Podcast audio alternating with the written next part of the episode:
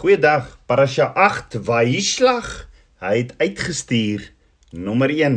Ons gedeeltes vir hierdie week is in die Torah Genesis 32 vers 3 tot Genesis 36 vers 43 in die Haftarah Obadja die hele hoofstuk en dan Bridesha in die Bridesha Nuwe Testament Matteus 26 vers 30 tot 56 en Hebreërs 11 vers 11 tot 20.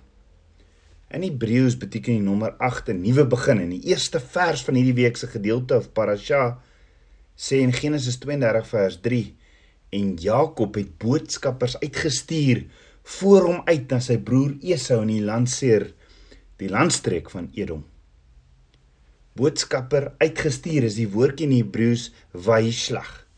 Met ander woorde daar is 'n nuwe begin want Jakob keer terug na sy tuiste, na sy vader huis na sy pa Isak, sy ma Rebekka en Esau sy broer wat hom wou doodmaak met sy vlug 20 jaar gelede. Hy het keer terug. Met ander woorde, dit is nie so vreugdevolle en hoopvolle terugtog vir Jakob nie. Inteendeel, hy's vreesagtig en hy's doodsbenoud want wat gaan sy broer Esau doen? Gaan hy hom nog steeds wil doodmaak? Ons gaan kyk. In hierdie week se Torah gedeelte sien ons dat die volgende gebeur. Genesis 32 vers 3. Jakob stuur geskenkies om Esau tevrede te stel. In vers 22 Jakob stoei by Peniel. Genesis 33 vers 1 Jakob en Esau ontmoet. Vers 18 Jakob bereik Sichem. Genesis 34 vers 1 die verkrachting van Dina. Vers 25 Dina se broers neem gereg in eie hande. Genesis 35 vers 1 Jakob keer terug na Bethel vers 16 geboorte van Benjamin en die afsterwe van Rachel vers 27 Isak sy pa sterwe en Genesis 36 vers 1 Esau se nasate. Dan het ons die Aftara dis Obadja en dan die Bridesha so tabernakelskind van Abba baie welkom in 'n seisoen glo ek van ketTINGS wat besig is om te breek. 'n seisoen van 'n nuwe begin. 'n seisoen van genesing 'n seisoen waarin disippels van Yeshua gaan opstaan en ek vaar, ek ervaar hoe die disippels begin beweeg met hierdie vuur wat in hulle brand van dankbaarheid en dank eh, en diensbaarheid vir koning Yeshua. 'n Yeshua army wat opstaan uit die bokskruit van die lewe. Ons het die afgelope weke gesien hoe Jakob weggehardloop het van Esau wat hom wou doodmaak en hoe Jakob 'n ontmoeting het met Abba Vader. Ons het gesien Jakob het in 'n droom die leer gesien op na die hemel en hoe die engele opbeweeg en dan af. Jakob onthou was op pad na sy ma se broer Laban toe toe hy een aand die droom kry waar Ba Vader ook vir hom sê in Genesis 28 vers 13 tot 15 ek is die Here die God van jou vader Abraham en die God van Isak. Die land waar jy op lê en slaap, sal ek aan jou en jou nageslag gee en jou nageslag sal wees soos die stof van die aarde en jy sal uitbrei na die weste en ooste en na die noorde en suide en in jou en jou nageslag sal al die geslagte van die aarde geseën word. En kyk, ek is met jou en ek sal jou bewaar oral waar jy heen gaan. Ek sal jou terugbring in hierdie land want ek sal jou nie verlaat totdat ek gedoen het wat ek jou gesê het. So hoor gou weer Abba Vader se laaste woorde en ek sal jou nie verlaat totdat alles wat ek jou beloof het gebeur het nie. So Abba Vader praat direk met Jakob en gee vir hom ook hierdie hierdie belofte dat Jakob terug sal kom na die land toe waarvan hy nou weghardloop. Ons weet Jakob gaan werk toe vir Laban En 20 jaar later het Jakob weer 'n aangesig tot aangesig Elpanin Elpanin ontmoeting met Abba Vader. En Abba Vader sê vir Jakob in Genesis 31 vers 3: "Gaan terug na die land van jou vaders en na jou familie en ek sal met jou wees, Jakob." So kan jy vir 'n oomblik dink wat het Jakob by homself gedink? Dis van Abba, ekskuus. Teruggaan waartoe? Na my familie toe, na Esau toe? Hoor ek reg, Vader? Vader, U weet alles. U weet Esau het gesê en die woord sê in Genesis 27 vers 42 en Esau was Jakob vyhandig gesind van wie die seun waarmee sy vader hom geseën het en Esau het in sy hart gedink die dae van die rou oor my vader is naby dan sal ek my broer Jakob doodmaak. Vader, U weet Esau het gesê hy gaan my doodmaak. So Abba Vader, wil U regtig hê ek moet teruggaan en doodgemaak word? Vader, ek het ek het 11 seuns op hierdie stadium. Wil wil U regtig hê hulle moet sonder 'n pa groot word? En die vraag is, is jy ook vandag bang en vrees soos Jakob en voel jy jy wil net weghardloop? Of kan ek vra wat is dit waarvoor jy nog steeds van weghardloop? Is daar dinge wat jou net so vreesagtig maak? Abba Vader sê 360 366 keer in sy woord moenie vrees nie. Want sien Abba Vader het ons nie geskaap om te lewe in vrees nie. Dit dit is net die teenoorgestelde. Abba Vader het ons geskape in vrede. Jakob weet goed. Abba Vader was met sy oupa Abraham en met sy pa Isak en daar was hierdie verbondsbelofte dat Jakob gaan terugkom na die land toe, maar nog steeds was Jakob bang om sy broer Esau te ontmoet. Tabernakelskind van Abba, ek weet nie waaroor vrees jy vandag nie.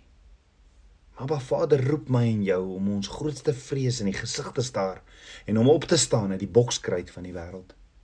Ja, Abba Vader roep jou vandag om die diepste donkerste vrese in jou te konfronteer.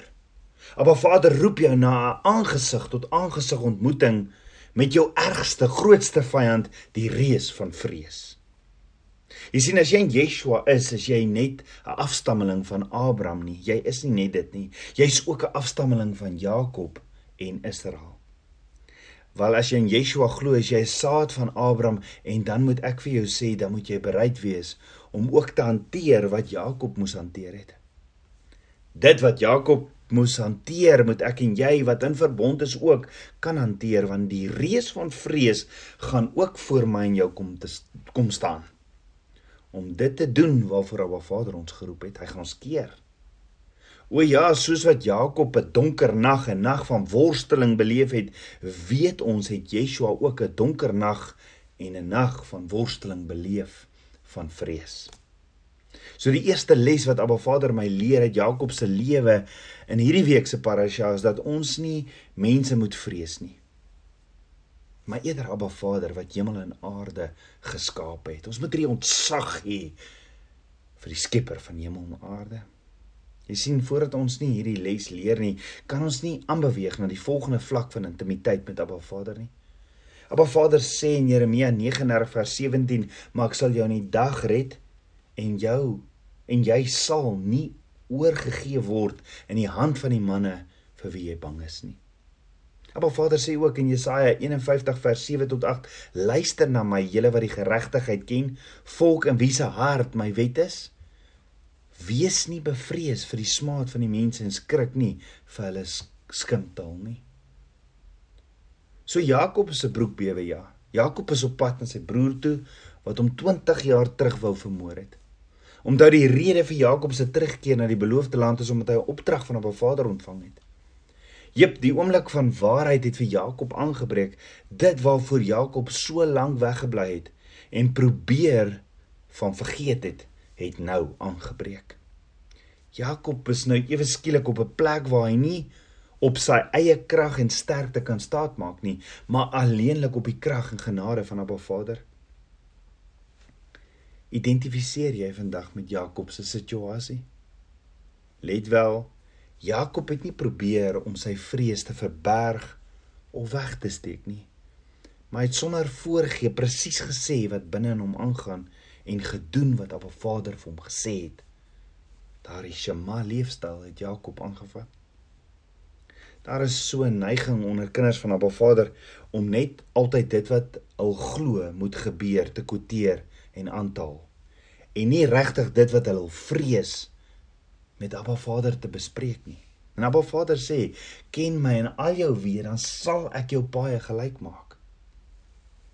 In Jakob en in Yeshua se lewe op aarde sien ons dit is goed om eerder ware toedrag van sake raak te sien en om jou diepe afhanklikheid van 'n Vader te erken en dit uit te spreek. So moenie my verkeerd verstaan nie. Dit is dit is waar dat dit nie goed is om negatief te praat nie. Maar dit is baie baie belangrik om ware gevoelens na 'n Vader toe te vat. Dit is niks anders as eerlikheid met Abba Vader nie. En hy waardeer jou eerlikheid soos in Jakob se lewe, want daar is genesing en oorwinning in eerlikheid.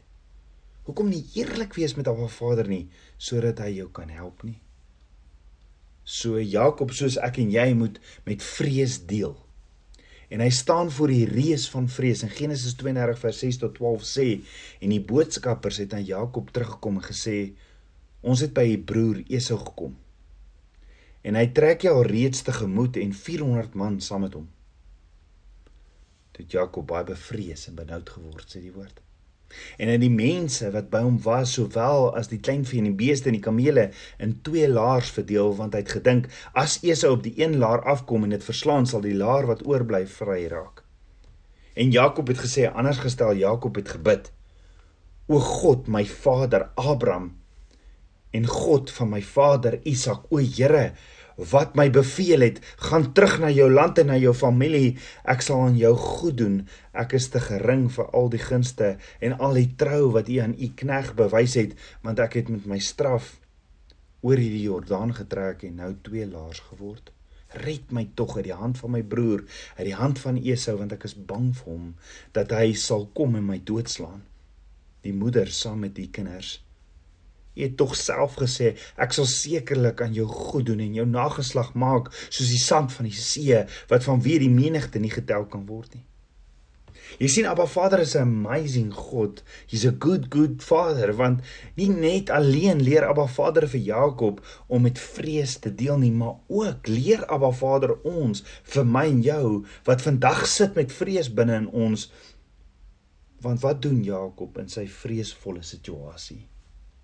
Nommer 1. Jakob doen eerstens presies wat Abba Vader sê. Hy hardloop nie weg nie. Hy doen wat Abba sê. Nommer 2. Jakob staar die vrees in die gesig en neem toe positiewe stappe.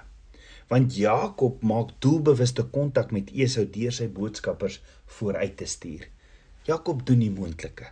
Nommer 3. Jakob tref verantwoordelike maatreëls vir sy gesin, sy familie se veiligheid. Hy split hulle in twee. Nommer 4. En Jakob draai homself na Ba Vader toe en ons sien die eerste ware gebedsworsteling in die woord.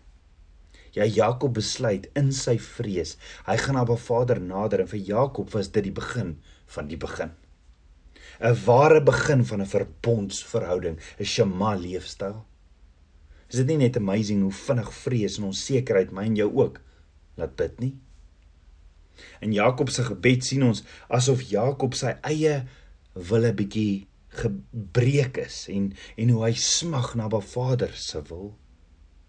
So in Jakob se vreesvolle situa situasie nader hy Abba Vader deur middel van gebed en dit herinner ons dadelik daaraan dat dit gebed dat gebed 'n prioriteit is wanneer ons in enige uitdagende situasie kom, is dit nie? So in kort is Jakob se gebed opgesom as volg: Jakob verklaar eers sy eie onwaardigheid voor Abba Vader. Dan nommer 2, hy her, dan herinner Jakob Abba Vader aan sy beloftes. Hy herinner Abba Vader aan die beloftes wat Abba Vader aan Jakob gemaak het. En dan bid Jakob vir bevryding nommer 3. So wat Abba Vader ons leer wat Jakob doen in sy vreesvolle situasie is, dit wat ons vrees, staar dit in die gesig Moenie dit probeer wegsteek nie. Nie herken die vreesvolle situasie.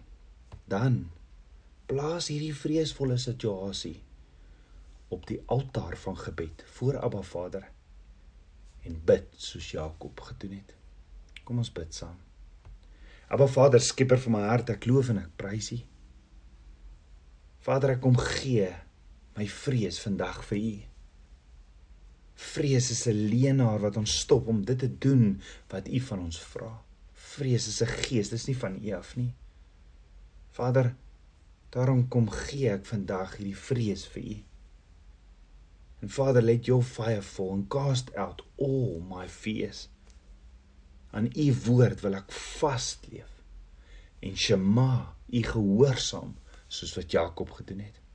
Meer en meer van U. Ek bid dit alles in Yeshua Messie se naam, die seun van Jahweh. Shalom.